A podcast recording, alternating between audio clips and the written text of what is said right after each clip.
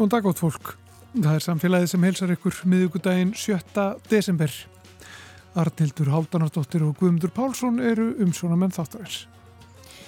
Við ætlum að byrja þennan þátt á að heyra í Söndru Ósk Snæbjörnsdóttur, jarðfræðingi hjá tæknifyrirtækinu Carbfix en hún er á loftslagsraðstefnu Saminuðu þjóðuna í Dubai í Saminuðu arabísku fyrstadæminum og hleypur þar á milli viðburða, engum viðburða um tækni á sviði kólefnisförgunar. En það má segja að starfsfólk Carbfix séu einhvers konar rockstjörnur í þeim heimi. Við tölum um mengun í höfnum landsins. Haldur Pálmar Haldursson, forstöðum að rannsóknarsetturs Háskóli Íslands á Suðurnesjum hefur rannsakað mengunar álag í höfnum og meðal annars fundið efni úr botmálningu báta sem hafa hormonaraskandi áhrif á sumar líferur. Efni sem eru bönnuð en finnast þó enn. Málfarsminútan verður svo á sínum stað og svo endur flytjum við vísindaspjall Eddu Olgudóttur frá því fyrra á þessu ári. En þar fjallar hún um áhrif áfengis á mannsheilan. En við byrjum á COP28.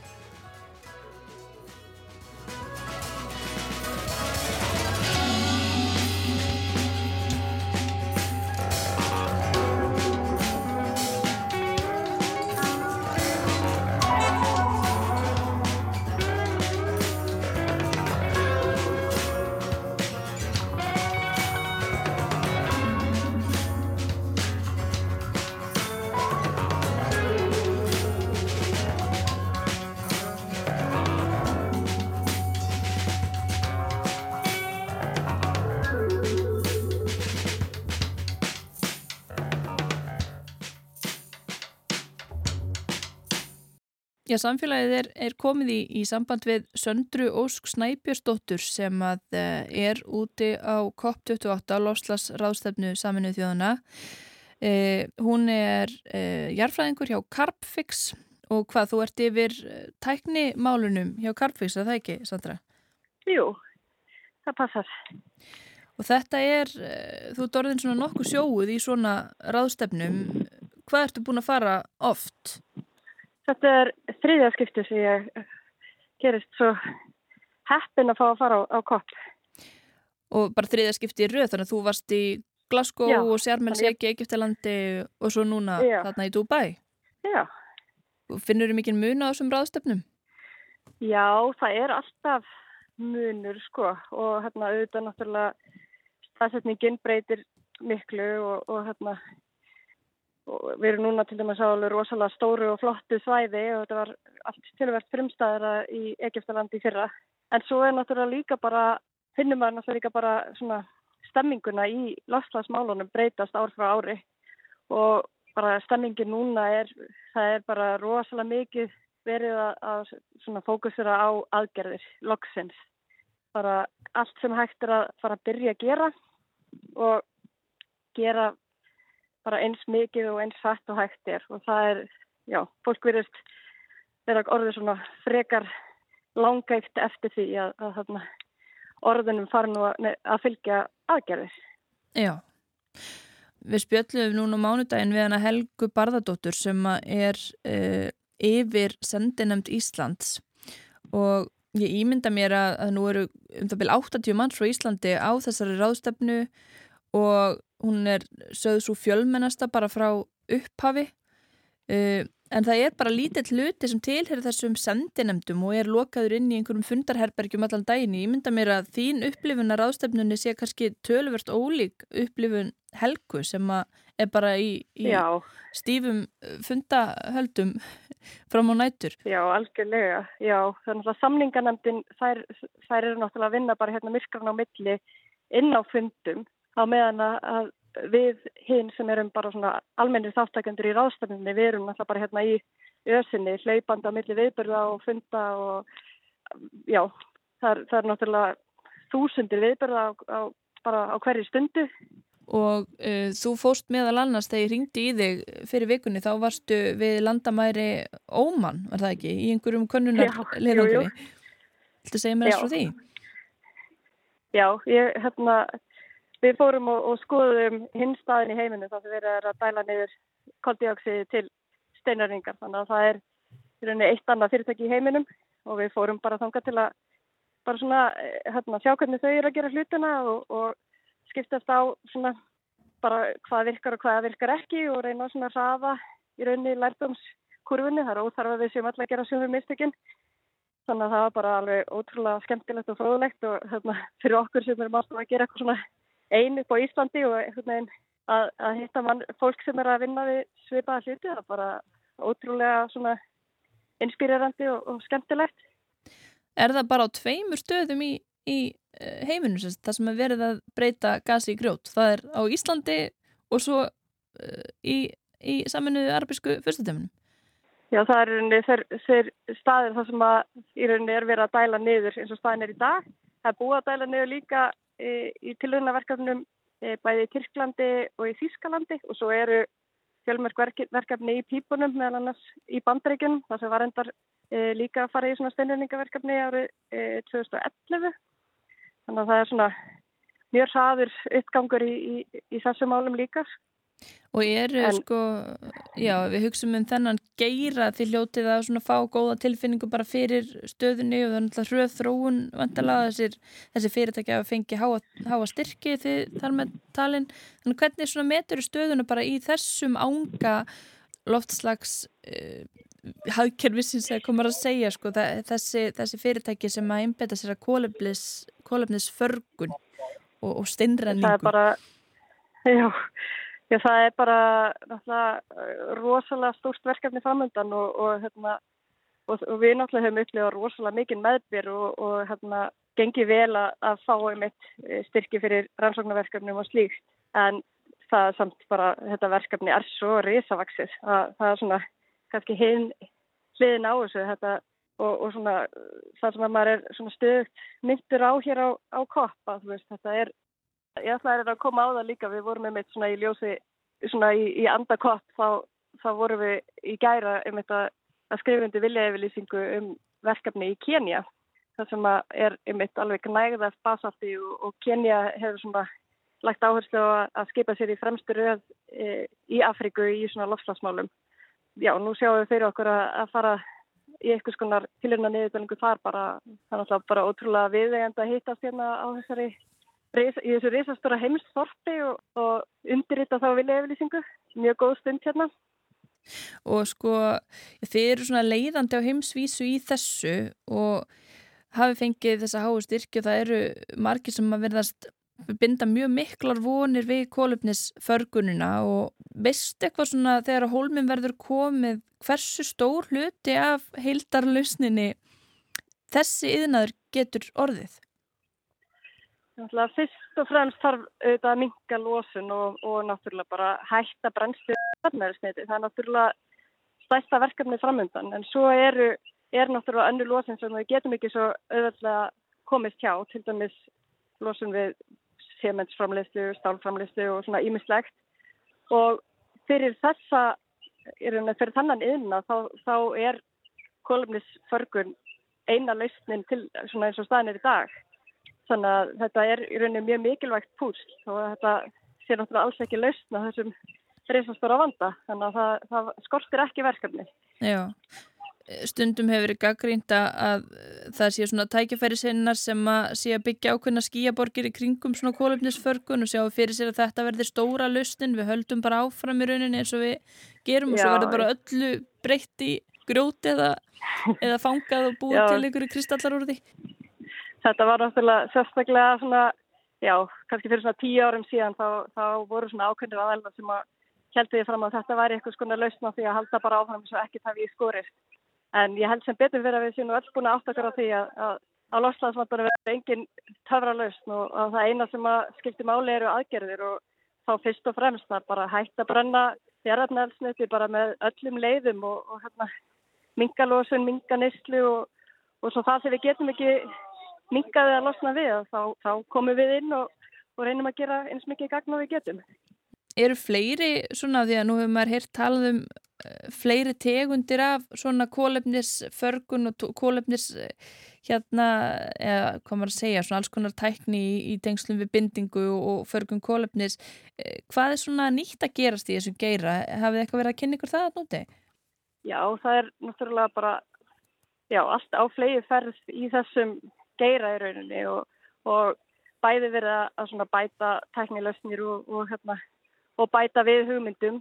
Uh, Carbfix er samt ennþá svolítið svona, svona nýtt og færst og fólk er alveg rosalega spennt og einhvern veginn er alveg ótrúlegt að því að nú er ég búin að vera að vinna þessu verkefni síðan ég var sjálf í doktorsnámi fyrir tíu árum síðan og að koma hérna á hennan heimisviðburð og það er bara spurt um okkur hérna í öðru hverju kólöfnis förgunar hérna panel sko, þannig að er, þetta er eiginlega alveg lígilegt sko.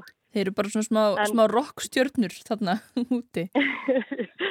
já, svona, svona bókstaflega sko. Já, já. Nei, en, en það, hérna, það hefur þetta líka bara vakið aftekli og það eru þá fleiri líka sem er að skoða hvort að það geta annarkvæmt í samstarfi við okkur eða bara upp á einn spýtur gert eitthvað svipa hjá sér og þú veist náttúrulega bara því meira sem við getum gert og Carfix mun ekki eitt og sér sjá um það, það er bara heiminum til góða og það er svolítið það sem að svona kopp snýst um. Þetta er rauninni bara svona hraðall fyrir lofslagslausnir og, og lofslagsmál og ekki veitur af að því að við eigum sko engan tíma við missa og erum, já, bara tímin er að ranna út.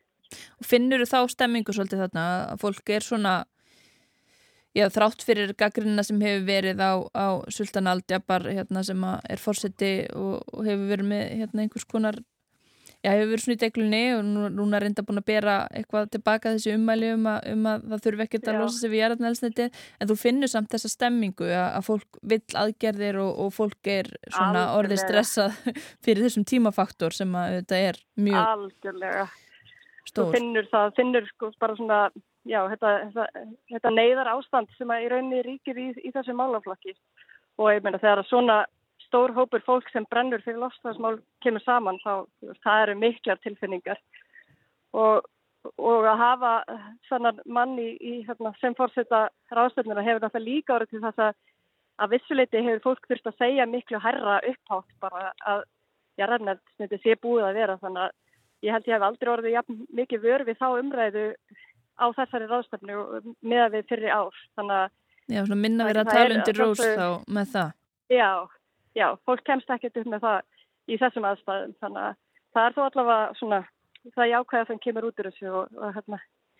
En svo eins og ég segi, svo er hann bara einn maður hérna af öllu þessu fólki og, og hinga, hérna, hinga ferðarst enginn nema bara í þái losnaðsins og, og það er það sem er svo ótrúlega magnað upplifa, bara magnað að sjá, þú veist, Þetta er svo gríðarlega mikil þekking og mikil ástriða, mikil tilfinningum og bara þetta mikla og stóra ákallum lausnir.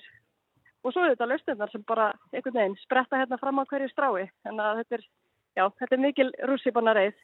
Já, það hljómar þannig. Uh, hvernig er svona, þú veist, praktísku atriðin er uh, verið að huga eitthvað svona sjálfbærni bara í þegar kemur að sko Uh, matarmálum og, og þú veist, eru, eru allir drekkandi þarna úr, úr plastmálum og borðandi nautakjött á, á kvöldin? Nei, alls ekki, alls ekki. Nei, nei, það er náttúrulega sjálfsögði, hérna, það myndir náttúrulega ekki ganga upp. Þannig að það er, þegar, þegar fólk kemur á kopp, þá fær það hérna, lesta miða til þess að komast til og frá og það fær margnóta vassflösku, svo eru hérna bara vasspostar um allt og, og hérna og náttúrulega mjög mikið lágursla á veganfæði og, og slíkt. Og þú fer að fara í kaffibotla þá fer að sjá kólefnisfótspor kaffibotlan þannig að þú hægt að, vanda, vanda þig vel í þessu eins og öðru. Já, vanda valið á, kaffinu. Já, já, já, já og, og, og njóta, njóta kaffibotlana sem þú drekkur. Mm -hmm. þannig að neini, að, að sjálfsögðu á, á svona ráðstefni þá þetta er þar sem fókus fólk fer og hjarta fólk slæðir náttúrulega fyrir loslægið þegar þegar fólk vinnur og, og starfar í þessum bransa sko. Ég fenn nú að sleppa þér Sandra en, en kannski ef þú vilt bara deila uh, með okkur hvað er á dagskrá hjá þér uh, þar sem eftirlifi dags? Já, ég, hérna, eh, ég er að fara núna bara, bara ég er bara er að lappa núna á eh, svona frekar stóran viðbörð sem IPCC er búið að skipulegja hérna, þar sem er verið að tala um svona eh, hlutverk vísinda í í kólefnisbindingu og þessum svona kólefnisförgunarlausnum. Já, það er milliríkja nefnd mjög... saminuð þjóðuna í, í lostasmálum, svo, svo sem að skrifa skýslunar, IPCC, já. Já, þannig að það verður, það verður að byggja mikið fjör þar, það er, klukkan er nú orðin að verða þrjú hérna hjá mér, Þannig að ég tek ykkur á tvo klukkutíma þar, svo erum við að fara að hitta einmitt mann frá Asíu út á öðru verkefni sem við erum viðlúðandi. Þannig að við ætlum að nota tækifærið og, og kíkja á hann fyrst að við erum komið hinga. Og svo er annar stór viðbyrði bara fram á kvöld um net zero, um bara hérna kólefnis hlutleysi heimsins. Þannig að það eru bara stóri málinn framöndan. Já, rússibannin heldur áfram. Gangiði bara já, já, já. vel áfram á COP28 Sandra Ósk Snæbjörnsdóttir og eða Snæbjörnsdóttir fyrir ekki Takk hérlega Snæbjörnsdóttir og takk fyrir að spjalla við samfélagið um þetta allt saman. Já, bara takk fyrir að ringja We've already said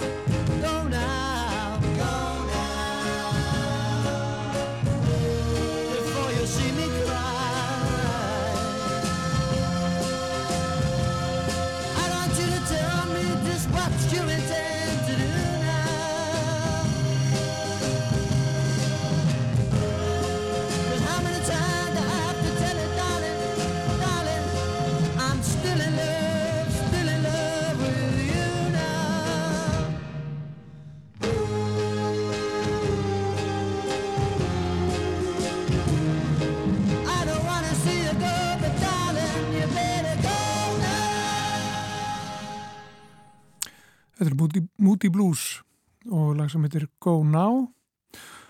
Og þarna er fremstur í flokki uh, Danny Lane. En það er fréttir bárust í gæri hann uh, hefði látist 79 ára gamall Danny Lane sem var þarna í Moody Blues. Og uh, starfaði líka með hljómsdunni Wings hljómsveit Paul McCartney og Lindu McCartney. Og hann er sestur hjá mér Haldur Pálmar Haldursson Fórstuðum að rannsóknarsettur Háskóla Íslands á Suðurnesjum, ertu velkomin til okkar í samfélagið. Takk fyrir. Eh, þú hefur að rannsaka mengunar álag í höfnum eh, á Íslandi. Já. Og það kannski kemur ekki óvart að, að það er talsver mengun í höfnum eh, á Íslandi eða hvað? Nei, það kemur náttúrulega ekki svo sem óvart og við náttúrulega vitum þá búist við því að sé mengun í, í bara almennt í höfnum og hérna ég er nú búin að vera, vera svo sem að skoða þetta í, í ansi mörg ár. Og það sem var kannski núna þessar nýjustu uh, rannsvöldunar okkar að sem við höfum verið að gera í samstarfi með umhverjastofnun að skoða svona uh, hvað, nýju, nei, 11 hafnir sem við fórum í hérna vitt um landið og tókum uh, bæði bottsíni og söfnum kræklingi og erum að skoða svona almennt hérna, þetta mengunar áleg í bæði stórum og litlum höfnum. Að þá hvað þetta er svona fjölbreytilegt áleg og alls konar efnahópar og, og, og svona áhrif á lífriki svona á, á, á þó nokkurum af þessum stöðum. Það kemur kannski svo litið óvart. Og það, við hefum mjög lítið skoðað þetta í gegnum tíðina. Og það er engin vöktun í gangi með hafnasvæði og þannig að það er kannski einna helst, eh, einna helst það sem að hérna, hvað þetta er fjölbreytilegt og, og bara hín og þessi efni sem eru há á, á ekkit endilega sömu efnin í öllum höfnum sko. og hérna, þannig að það er svona já, það sem við erum að vinna með akkurat núna. Og þú segir sko það er engin vöktun. Er, er þá mengun í höfnum hún er ekkert, það er ekkert fylst með henni og álæginu, hverju sinni Nei, bara eh, af að takmarkað. Það er eh, svona, þetta er kringum sko, við verið vakta eða kringum yðnað eða álverin til dæmis eða svoleiðis og það er einhver þannig vöktun í kringum, kringum þannig hluti en, en bara hafna svæðin sér slík að það er engin, engin bein vöktun á því þannig að við höfum ótrúlega litla vittneskjuruninni um, um sko mengunar álægi sem slíkt á hafnasvæðanum. Mm -hmm nefnum svona gegnum verkefni eins og nefnum þetta verkefni eða stök svona rannsótaverkefni eins og til og með sem við höfum verið að gera. Þannig að hérna þannig að það var, já, það er mættu eftirmálega svona kannski bæta svolítið í þar sko.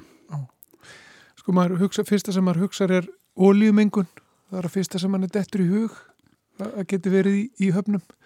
Þetta er miklu meira það Já, akkurat. Það er, það er svona þetta sem við sjáum. Og, hérna, og maður sér ólíuslíkinu oft í höfnunum og allt það og þetta er svona, við vitum að það fylgir þessu, fylgir bátumferðinni en það er margt fleira já, heldur en bara, bara efni sem komur ólíu sem við sjáum. Og, og til dæmis hérna, efni sem er í botmálingu á, bátum og, og skipum. Alltaf máling sem við notum til að mála botnin á, á þeim til að við viljum ekki að neitt vaksi á á botninum á, á, á skipunum. Og það eru efni sem eru nótuð í slíka málingu sem að uh, þurfa að drepa þá það sem að vil setjast á bátinn. Og það eru svoleiðis efni sem að sjáum mjög greinileg sko, hérna, hafa styrki af, af, af slíkum efnum. Og það sem er kannski svona einna, einna augljósasta augljósasta dæmið sko, það er uh, svo kallar tributiltin efni eða TBT, það er efni sem var áður notað í botmálíkum. Það er búin að banna þetta í dag. Og það hefði rosalega mikil áhrif á, á hérna, sérstaklega á, á snigla. Og þetta er svona hormonaraskandi efni. Og þessi málning var notið hérna, fyrst í ára, nokkur ára tíu, svona miðja síðustu öld og svo fórum við að sjá áhrifin bara svona í heiminum og þar meðal hér að það, þetta hafði svona áhrif á, á, hérna, já, sérstaklega, sníklar eru sérstaklega vikami fyrir þessu. Að það fór að vaksa eh, sáðrás og tippi og allt á kvendirinn þannig að, hérna, að kalla falskinn. Og þráttur að þessi máling hafi verið bönnuð eh, hérna á Íslandi 1990 þá sjáum við ennþá greinilega áhrif ennþá í dag 30 árum setna þannig að þetta eru svona þetta eru svona bæði gamlar syndir og, og, og svona sem við sjáum, sjáum svo ofbáslega greinilega í dag hérna, í, í lífrikinu og við erum að vakta þetta og það er líka með umhverjastofnun og á fimm ára fresti. Og það var einmitt, við erum nýbúin að klára núna það, það var þessu ári. Að þá er að sjá þetta uh, í, á nokkru stöðum uh, bara ótrúlega mikil áhrif þráttur þetta bann. Og þá er þetta efni eins og svo mörg önnur efni að þau setjast í binda svona lífrænum, lífrænum ögnum og efnum og setjast í botnin. Þannig að setið það geymir þetta alls saman og, hérna, og svo er þetta að leka út alveg áratugum saman.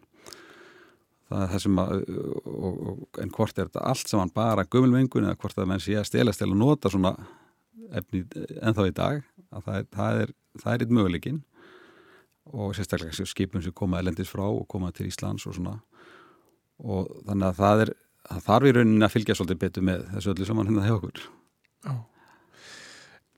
Áhrifin á lífrikið, þú nefnir hérna þessa, þessa sníkla sem eru mjög augljóslega eh, viðkvæmir fyrir þessum efnum. Berst þetta síðan frá höfnunum og, og út í, í lífrikið í kring Já, það getur gert það, það er kannski eftir hvað efnið eru.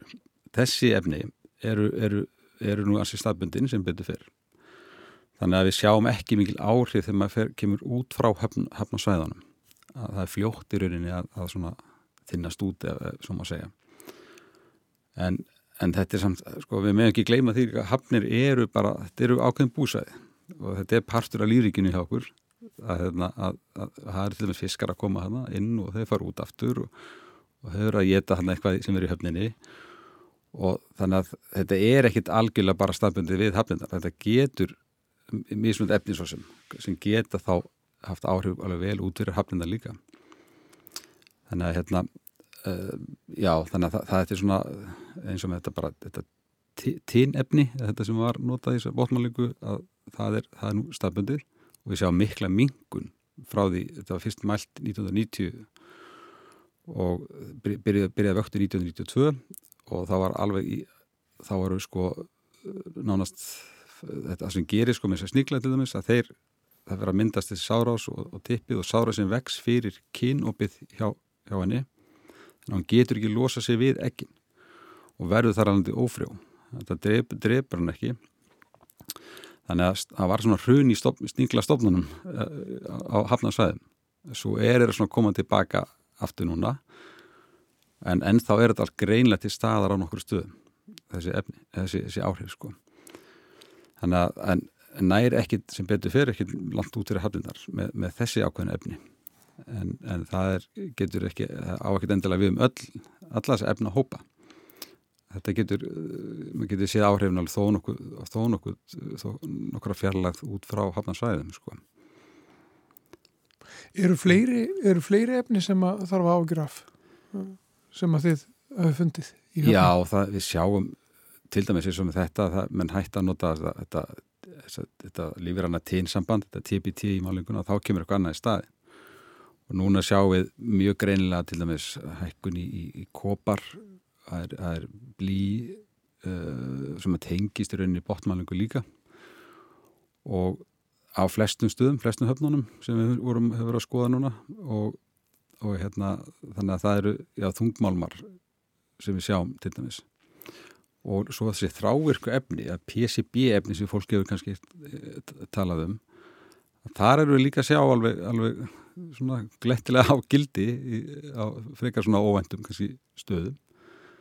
Og hérna og, og þannig að þetta er svona já það er, það er ímis efni þarna í gangi sko og áhrifin sem við hefum skoðað sníklana voru til líka á krækling, við náttúrulega krækling með mikið. Og þau, þau koma alveg greinilega fram sko í, í lífrikinu inn, inn í svona hafna sæðum og þetta er svona, þetta er svo fjölbreytilegt álag að það er svolítið erfitt að líka átt að sjá því oft hvaða efni veldur áhrifunum. Þetta er svo mikil bara súpa af efnum. Og þannig að það eru, eru með að greina milli kannski hvaða efni eru svona, hafa mest áhrifinn og svo leiðis og svo er þetta samleiðar áhrif magna hvort annað upp og það er allur, allur skalin á þessu. Og svo hitt líka að hérna á Íslandi að þá eru við með hátt svona bakgrunnsgildi náttúrulegt náttúruleg gildi í til dæmis kadmíum sem er þungmálmur og uh, kopar og, og uh, nokkur önnrefni sem eru bara náttúrulega há hérna. Það er uh, vegna bara hvernig bergi er og, og eldvirknin og allt það. Að greina þar á milli líka hvað er frá okkur og hvað er svona náttúrulega hendi er. Það er líka svolítið, hérna, svolítið áskorun. Já, og kannski vita hvar jafnvægið liggur. Hvenar, hvenar einhvern veginn uh, það farið yfir einhverja línu eða hvað? Já, já, ak akkurat. Og það er, það er akkurat það sem, eitt af því sem við erum að skoða líka í þessu samhengi. Það er hvað er eðlilegt ástand segja, til dæmis fyrir Ísland? Og þá er þetta fyrst og fremst eins og kadmíum að, að kadmín að hvað er þegar við notum ykkur umhverfismörk og viðmiðunamörk og svona og hvað er ásættanlegt og hvað ekki og, og við hefum yfirleitt að taka allt upp frá Noregi eða, eða Kanada. En það á ekkert endilega við hérna. Þannig að það er kannski náttúrulegt ástand hérna er þetta væri tala bara alveg tölvert mengað annar stað sko. Þá bendur maður alltaf á náttúrulega á mannin hérna, en það er ekkert endilega tilfellið með, með öll þessi efni sko. mm -hmm. Hvernig fara þessar rannsóknir fram? Hvernig getur þú farið yfir það eins með okkur? Já, við fórum uh, eins og núna í þessu núna nýjasta verkefni okkur að fara í allar þessar hafnir að þá förum við á, á, á staðina kringum landið og og tökum set síni í, í höfnunum og á, á sama punktinum í rauninni eða sama stað þá tökum við söfnum líka kreklingi og seti notuð bæði fyrir efnagreiningarnar og svo erum við að fara að skoða núna lífrikið í setinu hvaða dýr eru þarna í hverja höfn fyrir sig. Og þannig að við hérna og svo tökum við kreklingin og við, við kröðum hann og við erum um þetta að vinna í því líka núna að þá erum við að skoða svona líffræðileg áhrif möguleg eða bíomarkera eins og við tölum um. Þá erum við að skoða til þess að bara enzímavirkni og, og, og það er að skoða svo margt í kræklingi og reyna að sjá hvort það sé undir svona mengunar álægi og, og hérna þannig að það er það sem við höfum verið að gera núna og svo höfum við verið svona í gegnum tíðina með enn krækling að þá annarkvært söpnið vonum eða neti staðar á þessum svæðum hvað sem er hafnir eða annar staðar þá söfnum við hann eitthvað í fjöru eða þá við getum tekið kræklingin og sapna hann á einu stað og sett hann út og nota hann sem vöktun að tekið okkar. Og hann bæði til að sjá hvað sapnar upp í sig af efnum og líka að skoða þessi líffræðlu áhrif.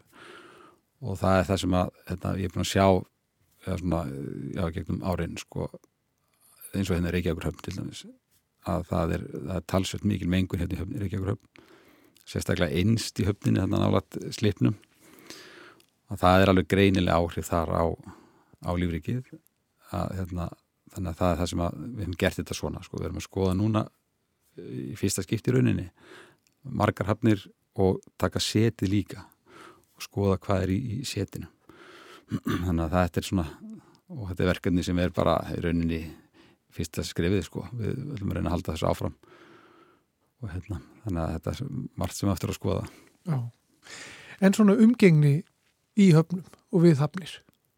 Er hún góð? Er hún almennt, er almennt meðvitund um það að, að það þurfa að ganga vel um og að því að maður svona, mann heyrist að, að, að sjóminn sérstaklega taki það alvarlega að ganga vel um og, og hugsa um, um þetta umhverfi sem svona það sé mikilvægt að ganga vel um það. Já, það, það er, ég held að sko akkurat viðhorfið og svona hvernig menn haga sér sko að það er búið að batna mikið á svona á síðustu árum sko, ára, ára dögum en hérna þetta bara uh, sko þetta er það fylgir alltaf mengun svona bátaumferð og, og, og, og allir þeirri svona starfsemi. Þannig að hérna það er já það, ég, mér finnst að vera búið að lagast alveg, alveg sko talsveit mikið en, en það er samt, við, það er svona ákveðin eins og það sem við erum að sjá núna með þessi efni og þetta menn vita ekki eins og það sé að að menga. það er hvaða efni eru að nota til dæmis í, í, í eh, sem, sem botmálingin og skipin og, og, og svona. Þannig að það er jú, umgengnin hefur lagast alveg, alveg, alveg hennu en það þarf líka að fylgjast með og hvað sem menn er að gera þetta viljandi eða ekki. Þetta getur líka bara verið óvart við erum að menga þess að bara átt okkar á því. Hérna, það er eflaust að mörgu séu sem getum, getum sko laga þetta alveg, alveg ansi mikið. Mm hvað við erum að losa út í umhverfið sko. Er þá valkosturinn sko, er hann til? Er til málning sem að, sem að mengar bara ekki? Ég menna, er þetta að segja það? Er, eru til umhverfisvætni valkostir? Já, það er, það er til og það er stanslust verið að reyna að finna hérna fullkonum málningu. Eins og menn heldur hefur fundið hérna þeirra með þetta TPT málningu sem var reyndi svo náttúrulega alveg, alveg skelvileg og hérna þannig að núna eru það er til svona sílikonmáling og eitthvað sem er svona sjálfslýpandi máling en hún er rosalega dýr.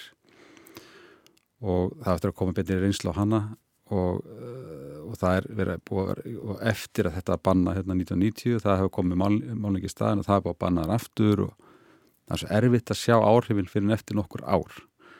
Þannig að, þannig að það eru til eitthvað skári málinn kannski heldur en mest notu núna. Ég veit ekki nákvæmlega hvað er aðalega nota hérna í Íslandi núna með þessar botmálingu en það eru ákveðin efni það eru í hvernig ólíu hvernig smurefni og, og alls konar svona hluti sem að væri kannski að skoða betur. En aðalega kannski hvað er að losna frá frá bátum og, og bara frá hafnarsvæðum almennt sko. Þannig að það eru það þurfti bara að skoða þetta svolítið betur veist, og, og byrja því að greina vandan það sem við erum að reyna að gera núna að, að er vandin til staðar og á hvaða skala er þetta oh. hvaða efnuhópar er, er þetta sem við erum að tala um En viðbröð sko, eitt er að einmitt eins og þú segir það var bönnuð þarna þessi málning fyrir áratögum síðan eh, Já. það er einn ein aðgerð sem að það er að ráðast í slíkar aðgerðir um en vita að, að það eru efni sem eru skadaleg sem eru á losna eh, en það sem er, hefur sapnast upp eins og segir, í setinu e, og þess aftar og er þarna og bara losnar e, bara jafnóðum einhvern veginn, það er alltaf einhvern veginn að losna út einhver eiturefni, er þetta breðast við því? Er eitthvað þetta að gera þess að, er þetta að reynsa hafninar til dæmis? Já, það, sko það, það hafa gert fyrir þó nokkur, nokkur árum hérna í, í Reykjavík til dæmis, þá að vera að móka upp menguðu seti, það stóð til að byggja hérna hafa íbúðabyggðir hérna við þessum slipurinn er núna inn í Reykjavíkurhöfn og setið fjarlægt og farið með hérna í lokað hólf hérna, við, við sundahöfnina. Og það en uh, þráttur í það að þá sjáum við þetta samt í dag í, í mjög háanstyrk mörgefnin í, í, í setinu hérna innst í höfninni. Þannig að það er, það er hægt að fara í svona einmitt að, og er við að gert að, að fjarlæga menga sett og reyna að farga því einhverstað að koma í einhverstað annar stað fyrir. Þannig að en svona ég held að sé aðalmáli sko það er að, það er að við þurfum bara að hætta eins og við getum að losa út í út í þetta sett eða út í, út í, út í hafnir og og bara sjá veist, hvernig reyna að láta þetta minga bara reyna náttúrulega líka sko það er, það er mörgur stöðum kannski erfitt að fara ykkur aðgerir en við þurfum allavega að vita hvað hvar þarf að þá mögulega að gera, gera eitthvað. Mm. það sem við höfum bara allt og litla vittnisk í dag um, um, um stöðun almennt. Hvort sem þetta er litlar að stóra hafnir að við höfum að sjá svona já, sjá svona kannski gildi sem að pínu hissa að sjá hversu hátt það er sko. Og þetta er einlega til þess að afla sér þessar vitnesku, það er að gera það sem þeir eru að gera, að, að sapna gögnum og, og greina vandan. Já, nákvæmlega. Það er það sem við erum að reyna að gera núna og, hérna, með, með umhverjastofnun ah. og, hérna, og það má bæta heldur betur í þar. Sko. Og þessar rannsóknum munu, munu halda áfram. Já. Já. Sko ljúka þessu svona Haldur Pálmar Haldursson, fórstöðumæður rannsóknarsittur Háskóli Íslands á, á Suðunisum. Takk fyrir að fræða okkur um, um mengun í höfnum á Íslandi. Ja, takk svo leys.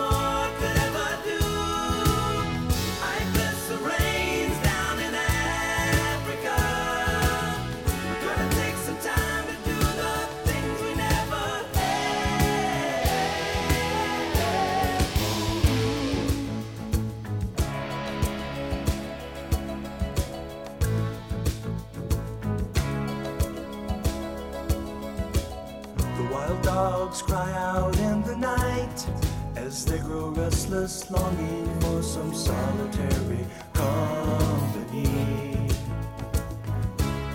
I know that I must do what's right, sure as Kilimanjaro rises like Olympus above the Serengeti. I seek to cure what's deep inside, frightened of this thing that I've become.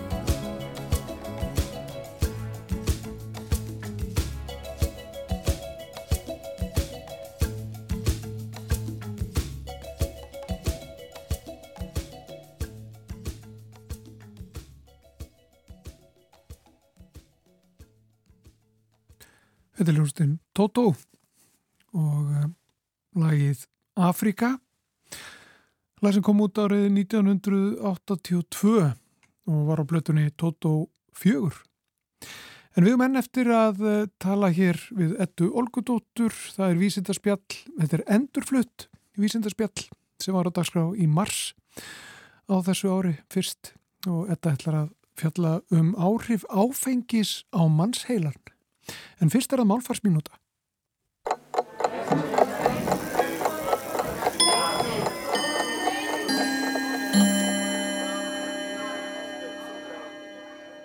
Einn góð leið til að stekka orðaforða íslensku og leggja þannig lóða vogarskálarnar til að viðhalda málinu er að efna til nýjirða samkeppni. Það hafa samtökin 78 til dæmis gert þrís og sinnum í keppninni um hýrirði og heiti keppnirnar er einmitt nýjirði. Tilgangurinn er að gefa almenningi tækifæri til að taka þátt í íslenskun á hinsegin orðaforða. Ímis orður þessari keppni hafa náð nokkur í útbreyslu. Þar á meðal eru orðin svo bur sem nú er lögum samkvæmt hægt að nota til að kenna sig til foreldra sinna með sama hætti og orðin són og dóttir. Þannig má heita vor Jónsbur eins og Rún Jónsdóttir og Sveitn Jónsson. Bur er auðvitað gamalt orð en það hefur þarna fengið bæði nýja merkingu og nýtt kinn.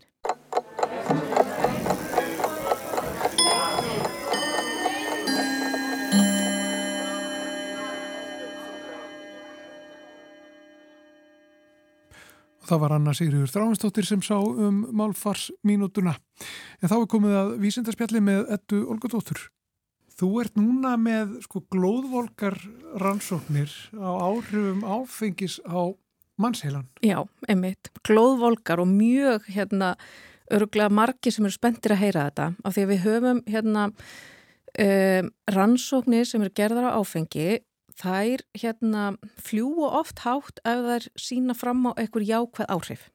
Þá sjáum við oft svona einhverja fyrirsagnir hérna, eitt glas af rauðvín á dag er hérna, þá færði allan skamtin á andóksunarefnum sem þú þarft og svona og það er reyndar alveg rétt að það er mikið andóksunarefnum í rauðvíni en ef maður svona grefur aðeins neðar þá er það oft þannig að til þess að fá næjanlegt magn af þessum andóksunarefnum þá þarf þetta að drekka ansi mikið af rauðvinni sem getur þá haft neikvað áhrif í staðin og að til þess að, að hérna, koma þessum andóksunarefnum af stað að þá gætur þú líka bara að fara út að hreyfa þig. Þannig að mögulega væri það betri lausn heldur en að drekka flösku af rauðvinn á dag. En allavega að þá hérna Við vitum alveg að áfengi hefur ákveðin áhrif á líkamann og, hérna, og það hafa fjölmar, verið gerðar fjölmarga rannsóknir á því sem er kallað bara alcohol use disorder og ég ætla bara að kalla hér ofneyslu á áfengi og hvernig það hefur áhrif á það hvernig heilin okkar breytist. Og þegar að, hérna, þegar að fólk er í þeim fasa að neyta of mikils áfengis að þá getur það haft þau áhrif að heilin mingar og líka að byggingin sem að við, við veitum hvernig heilin lítur út, hann er svona svolítið eins og rúsína, eða ég veit ekki hvernig ég orða, hann er svona krumpaður og svo bygging, hún getur farið úr skorðum þegar hérna, fólk neytir ofmikils áfengis. Og það náttúrulega kannski er alveg augljóst að gera það vegna þess að áfengi er hugbreytandi efni. Það hefur áhrif á okkur og þó að þetta sé löglegt vímuefni, þá er það samt vímuefni. En við búum bara í þannig heimi að það er kannski aðeins öðruvísi, uh, við höfum á, öðruvísi viðhort til áfengis heldur til annara vímuefna vegna þess að það er löglegt og þá er jafnvel stundum ætlast til þess að við neytum þess. Öðruvísi en með önnur vímuefni þar sem er alls ekki ætlast til þess að við neytum þess. Um, Þannig að við höfum helling af rannsóknum sem að sína að áfengi getur haft uh, þau áhrif á heilan að hann breytist. Og við vitum í raun og veru ekki hvað þessar breytingar geta haft í förmið sér, hvað áhrif þær, þær, hérna, þær hafa. En við vitum hins vegar að heilin er rosalega mikilvægt líffæri og það stjórnar ekki bara sko hvernig við hugsum og hvernig okkur líður heldur líka bara líkamannum öllum og hérna, hefur áhrif á það hvaða skilabóð við erum að senda um allan líkamann. Þannig að, að maður setur alltaf svolítið varnagla við það ef að eitthvað er að breyta heilanum af því við svona hlýtur eiginlega að vera betra að hafa hann í lægi. Eh, en þessar rannsóknir sem við erum með, þær snúast yfirleitt um það að bera saman fólk sem að e, neytir of mikil smaks á áfengis þar að segja að það flokkast í þetta alcohol use disorder og þeirra sem að, að neyta áfengis í hófi. Um, núna í byrjun mánarins þá byrtist rannsókn í Nature Communications sem er semst unnin á bresku þýði og þar eru þau að skoða þau eru með 36.000 einstaklinga og þar eru þau að skoða í raun og veru hvort að þau sjáu þessa breytingu á heilanum fyrr í ferlinu. Ef þú ert ekki endilega að neyta of mikils áfengis með við það sem við skilgreinum of mikið, heldur bara það sem að kannski er kallað eðlilegur alkohólskamtur á dag og hérna, mér minnir að sér talað um sko að sér í lagi að neyta tveggja áfengiseininga á dag og ein áfengiseining er sko hérna 10 millilítrar af hreinu alkohóli sem þýðir það að ef þú ert til dæmis, ef við notum bara bjór sem mælikvarða, að þá er það einn stór bjór, einn 500 millilitra bjór. Nei, tveir. Hérna, það eru tveir áfengiskamdar, þannig að einn, saði ég þetta rétt, einn bjór er þá svo eining sem þú mátt neyta á dag meða við það sem að e, ráðleggingar að sé, semst, það, þá er hún komin yfir skamtinn þinn. Um, og þau eru semst gera rannsók þar sem er með 36.000 einstaklinga og þessir einstaklingar svara allir spurningalista þar sem að þau hérna, meta áfengisneislu og aðra þætti eins og reykingar, fjárhag, félagslega stöðu og bara lífstíl og svo fara þau í heilaskanna. Og í heilaskannanum er þá bæði verið að meta hérna, stærðin á heilanum og líka bygginguna sem við vitum að getur breyst við ofmikla áfengisneislu. Og það kemur í ljós að þessar breytingar sem við vitum að geta átt sér stað á heilanum, þær eiga sér stað strax við eina einingu á áfengi. Þannig að það er ekki, þetta, þú þart ekki endilega að fara yfir í ofneislu áfengis til þess að það hafi áhrif á það hvernig heilin, eh, stærð heilans eða hvernig hann er uppbyggður. Og þá eiginlega getur maður gefið sér að það geti líka haft áhrif á virkni heilans. Og reyndar þegar ég hérna, heyri mig segja þetta þá er ég svolítið að gefa mér það að það sé áfengið sem hefur áhrif á heilan en í raun og veru er þessi rannsók bara sína að það er fylgni þarna á milli.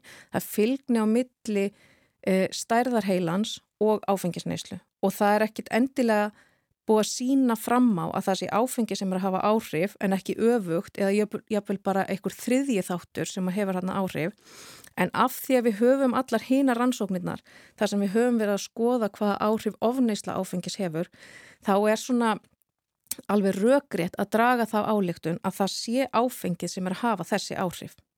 Og það er náttúrulega annar svona vankantur á þessari e, rannsókn er það að við erum kannski, þannig að við bara horfa að breyta og við getum kannski ekki endilega að gefa okkur að þetta eigi við um allar þjóðir. Þannig að næsta skref væri væntanlega að skoða þetta í stærra samhengi og taka hérna þýði af mörgum þjóðarbrótum Uh, og eitt annað sem að mér dættur í hug það er að, hérna, að því að spurningalistin hann er settir þannig upp að þú þarfst að meta uh, þína áfengisneislu og hún náttúrulega metin af þér sjálfum en ekki, það er engin annar sem að metur það og þar getur náttúrulega komið ákveðin svona skekkja inn uh, en svo er sko, ef þú neytir lítið af áfengi segjum bara að þú neytir kannski áfengis einu sinni í mánuði en þá neytur mikils af því að þá er skalin í rannsókninni aðlagaður að því að við getum sagt ein áfengiseining á dag eða tvær áfengiseiningar á dag.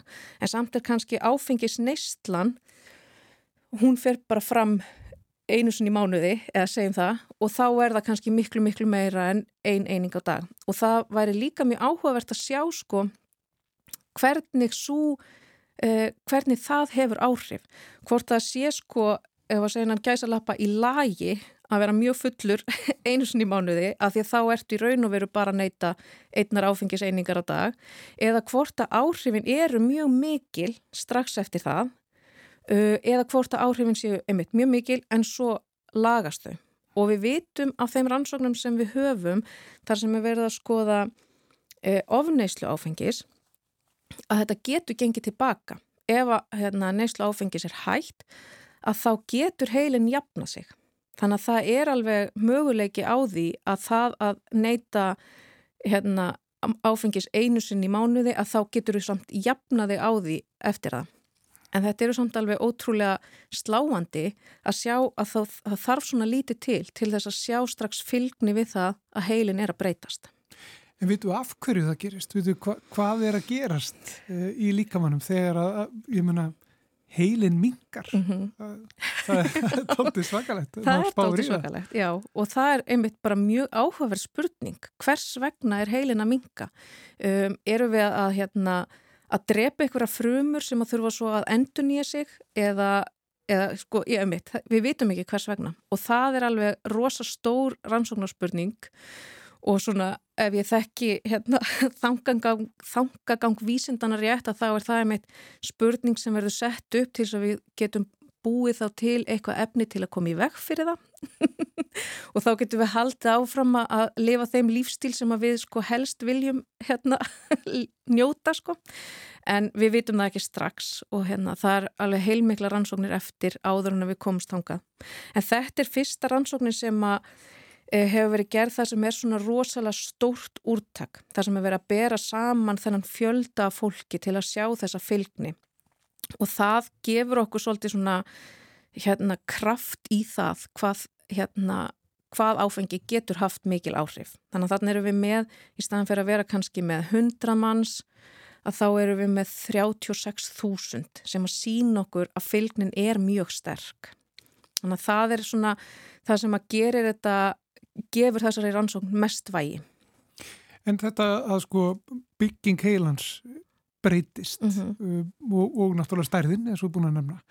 Uh, Vitu hvað, hvað áhrif það hefur á bara, ég veit ekki, bara virkni heilans og, og, og þess að þar. Já, þarna ertu aftur að spurja mig mjög erfiðra spurninga Mhm. vegna þess að við þekkjum líka heilan kannski ekki nógu vel til þess að geta sagt sko nákvæmlega hvaða áhrif það hefur þegar eitthvað breytist og það er náttúrulega svona kannski það sem að hérna, það er svona kannski gallin við mjög marga rannsóknir á taugakerfinu er að heilin er bara svo ókysla flókin og við þekkjum svo lítið hvernig hann virkar. Við vitum hérna, vitum að ákveðin svæði er virk þegar við erum að hérna keira bíl og önnur svæði eru virk þegar við erum að hérna, upplifa ykkur tilfinningar og þannig að við höfum svona ákveðna þekkingu þarna. Við vitum líka að þessi bygging, hún er mjög mikilvægt til þess að allt gangi rétt fyrir sig og til dæmis að þá hafa rannsóknir sínt að þeir sem eru á einhverfurófi hafa ekki sambarilega byggingu við þá sem eru ekki á einhverfurófi. Þannig að það er eins og það hérna, byggingin skiptir máli upp á það að það verði réttar tengingar. Þannig að þarna getur við verið að hafa áhrif á það að hugsanir okkar fara á réttan stað eða að skilabóðin sem við erum að senda í bara vöðvan okkar eða í hérna útlimina að þau fari á réttan stað. Þannig að það getur og við erum náttúrulega eftir líka að svara þessum spurningum í raun og veru. Hvernig mun þetta, hvernig hefur þetta áhrif? Og það má eiginlega líka þessu við þetta heilin mingi og að byggingin breytist, það má eiginlega líka því við það að við séum að eldast fyrirfram að við erum eiginlega, að heilin er að taka breytingum sem hann á ekki að taka fyrir en að við erum komin yfir ákveðin aldur.